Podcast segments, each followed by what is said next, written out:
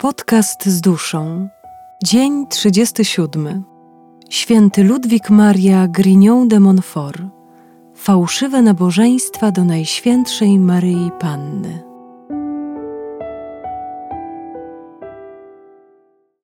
Wyróżniam siedem rodzajów fałszywych nabożeństw, czy też fałszywych czcicieli Najświętszej Maryi Panny, mianowicie krytykantów, skrupulantów, powierzchownych, zarozumiałych, niestałych, obłudnych, interesownych. Czciciele krytykanci to zazwyczaj pyszni uczeni, zarozumiali i samowystarczalni myśliciele, którzy w głębi duszy niby zachowują coś z nabożeństwa do Najświętszej Maryi Panny, ale krytykują wszelkie pobożne i pełne czci ku niej praktyki prostych ludzi dlatego że nie odpowiadają one gustom tych mędrców.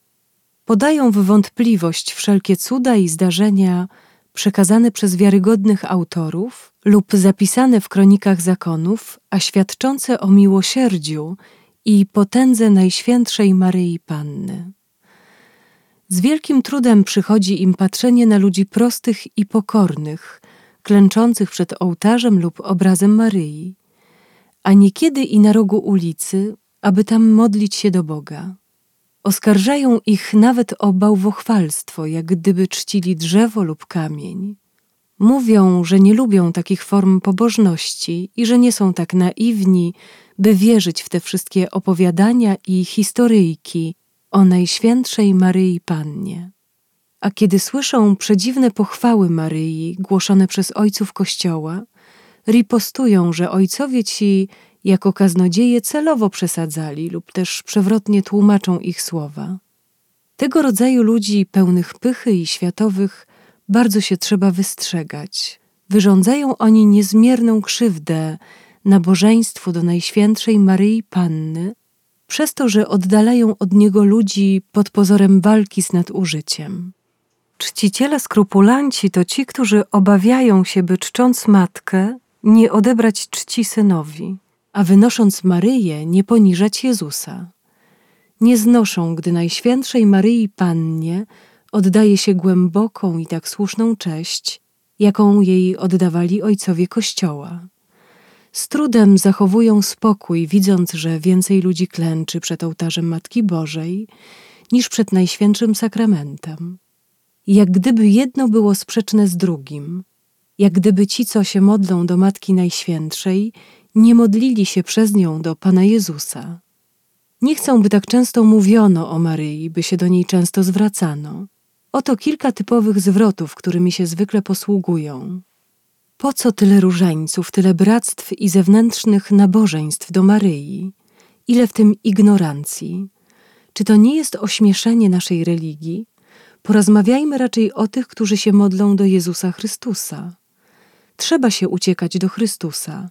To On jest naszym jedynym pośrednikiem. Trzeba głosić Jezusa Chrystusa, to jest podstawa. Powyższe twierdzenia są poniekąd słuszne, jednakże stosuje się je w tym celu, by przeszkadzać nabożeństwu do Najświętszej Maryi Panny. Dlatego są bardzo niebezpieczne i stanowią pewnego rodzaju sidła, które diabeł zastawia pod pozorem większego dobra.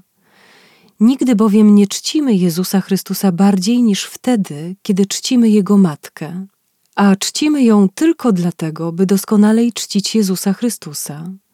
Idziemy do niej jako do drogi prowadzącej do zamierzonego celu, którym jest Jezus Chrystus.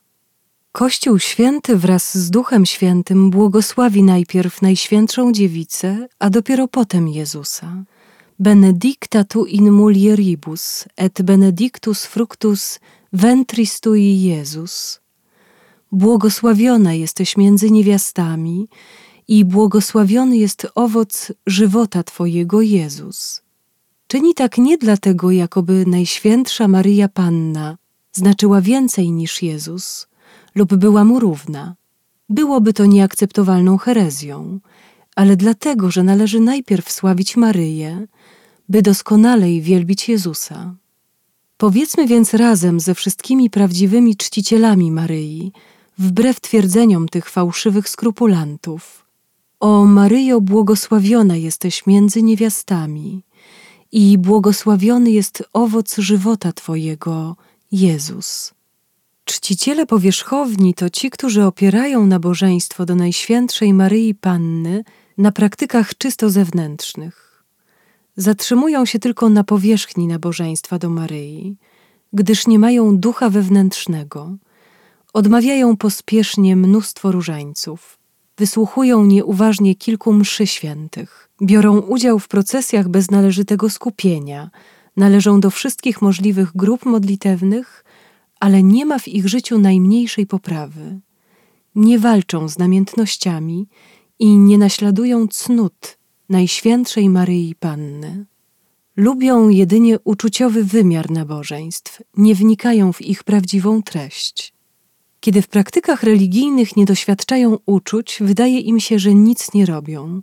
Wpadają wtedy w duchowy chaos, przerywają pobożne praktyki lub spełniają je niedbale i dorywczo.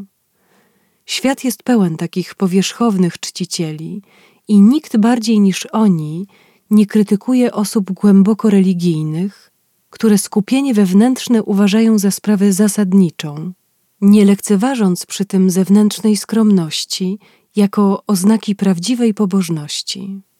Czciciele zarozumiali to grzesznicy pozostający na łasce swych namiętności lub miłośnicy świata, którzy pod pięknym mianem chrześcijan i czcicieli Maryi ukrywają pychę, skąpstwo, nieczystość, pijaństwo, złość, obmowę, przekleństwo, niesprawiedliwość itd. Tak Zachowując pozory bycia czcicielami Maryi, trwają spokojnie w swych nałogach, nie zadając sobie najmniejszego trudu, by się poprawić. Wmawiają sobie, że Pan Bóg im przebaczy, że nie umrą bez spowiedzi i nie będą potępieni, ponieważ odmawiają różaniec, praktykują pierwsze soboty miesiąca, należą do koła różańcowego, noszą szkaplerz czy medalik z wizerunkiem Matki Bożej i tak. Jeśli ktoś im zwróci uwagę, że ich nabożeństwo to tylko diabelska iluzja lub zgubne zuchwalstwo, które może ich doprowadzić do wiecznego potępienia, nie chcą wierzyć. Odpowiadają: Bóg jest dobry i miłosierny i nie po to nas stworzył, by nas potępić. Nie ma człowieka, który by nie grzeszył. Nie umrą bez spowiedzi. Żal doskonały za grzechy w chwili śmierci wystarczy. Zwłaszcza, że są przecież czcicielami Najświętszej Maryi Panny. Noszą szkaplerz, odmawiają codziennie, nie chwaląc się tym siedem Ojcze nasz i siedem Zdrowaś Maryjo na jej cześć, a nawet od czasu do czasu odmawiają różaniec i śpiewają godzinki o niepokalanym poczęciu Najświętszej Maryi Panny, poszczą i tym podobne. Aby potwierdzić to, co mówią i jeszcze bardziej się zaślepić, przytaczają rozmaite historie usłyszane czy przeczytane w książkach, prawdziwe czy zmyślone, zaświadczające, że pewne osoby zmarłe w grzechu śmiertelnym bez spowiedzi zostały cudem wskrzeszone, aby się mogły wyspowiadać, ponieważ w ciągu swojego życia odmówiły kilka modlitw lub odprawiły kilka nabożeństw do Najświętszej Maryi Panny. Lub też, że w innym przypadku dusza biednego grzesznika pozostała cudownym sposobem w ciele tak długo, dopóki ten nie odprawił spowiedzi, że wielu otrzymało od Boga przez miłosierdzie Najświętszej Maryi Panny łaskę doskonałego żalu za grzechy, odpuszczenie ich w chwili śmierci i dostąpiło zbawienia. A więc i oni się tego spodziewają. Nie ma w chrześcijaństwie nic tak godnego potępienia, jak ta szatańska zarozumiałość.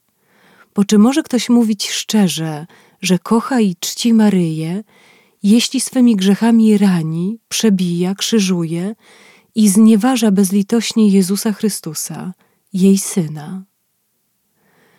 Gdyby Maryja przez swe miłosierdzie z zasady ratowała ludzi tego rodzaju, to popierałaby zbrodnie i dopomagała w ukrzyżowaniu i znieważaniu swego syna.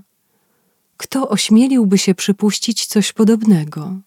Twierdzę, że nadużywanie w ten sposób nabożeństwa do Najświętszej Maryi Panny, które po nabożeństwie do Jezusa Chrystusa w Najświętszym Sakramencie jest najświętsze i najpewniejsze, jest równoznaczne z popełnieniem przerażającego świętokradztwa, najgorszego i najmniej zasługującego na przebaczenie, prawie tak samo jak niegodnie przyjęta komunia święta. Przyznaję wprawdzie, że aby być prawdziwym czcicielem Najświętszej Maryi Panny, nie trzeba koniecznie być tak świętym, by wystrzegać się wszelkiego grzechu, chociaż byłoby to bardzo pożądane. Trzeba jednak przynajmniej, i tu proszę dobrze zrozumieć to, co teraz powiem, po pierwsze mieć szczere postanowienie unikania przynajmniej wszelkiego grzechu śmiertelnego, który tak samo znieważa matkę, jak i syna. Po drugie, ze wszystkich sił zapierać się siebie, by unikać grzechu.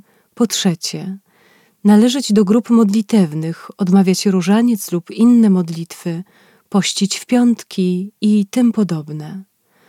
Wszystko to przedziwnie przyczynia się do nawrócenia nawet najbardziej zatwardziałych grzeszników. Jeśli czytelnik znajduje się wśród nich, to radzę mu choćby jedną nogą, był już w otchłani, zastosować te ćwiczenia pod warunkiem jednak, że będzie je wykonywał w intencji uzyskania u Boga, za pośrednictwem Najświętszej Maryi Panny, łaski żalu doskonałego za grzechy i przebaczenia oraz pokonania nałogów, a nie po to, by żyć spokojnie w stanie grzechu mimo wyrzutów sumienia i wbrew przykładowi Jezusa Chrystusa i świętych oraz wbrew zasadom świętej Ewangelii. Czciciele niestali to ci, którzy służą Matce Najświętszej od czasu do czasu, zależnie od kaprysu. Raz są żarliwi, raz obojętni.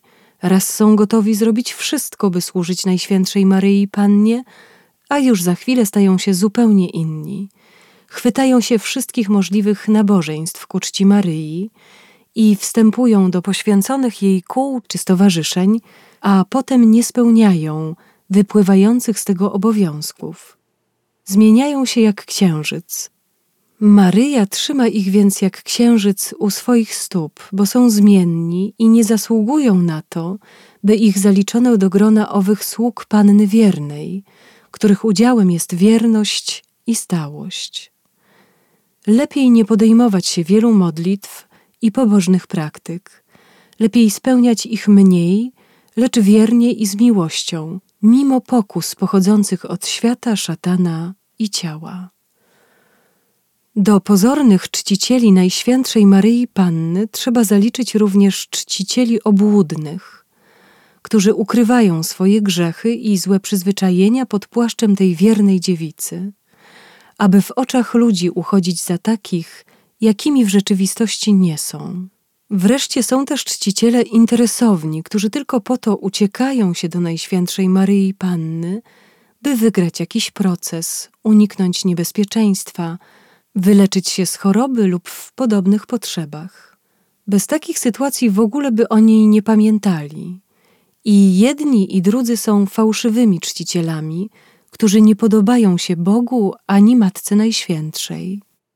Strzeżmy się zatem, by nie należeć do czcicieli krytykantów, którzy w nic nie wierzą, a wszystko krytykują, do czcicieli skrupulantów, którzy z szacunku dla Pana Jezusa obawiają się czcić zbytnio Matkę Najświętszą, albo do czcicieli powierzchownych, opierających swoje nabożeństwo tylko na praktykach zewnętrznych, czy do czcicieli zarozumiałych, którzy pod pozorem doskonałego nabożeństwa do Najświętszej Maryi Panny gnuśnieją w grzechach, albo do czcicieli niestałych, lekkomyślnie zmieniających swoje praktyki religijne lub przy najmniejszej pokusie opuszczających je zupełnie, czy do czcicieli obłudnych, którzy wstępują do kół i stowarzyszeń i noszą oznaki Najświętszej Maryi Panny, by uchodzić za dobrych, lub wreszcie do czcicieli samolubnych, uciekających się do Maryi jedynie po to,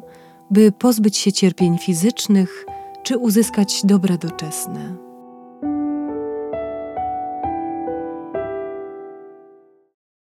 Fragment pochodzi z książki Traktat o prawdziwym nabożeństwie do Najświętszej Maryi Panny, świętego Ludwika Marii Grignon de Montfort, wydanej przez wydawnictwo Esprit. Więcej informacji na www.esprit.com.pl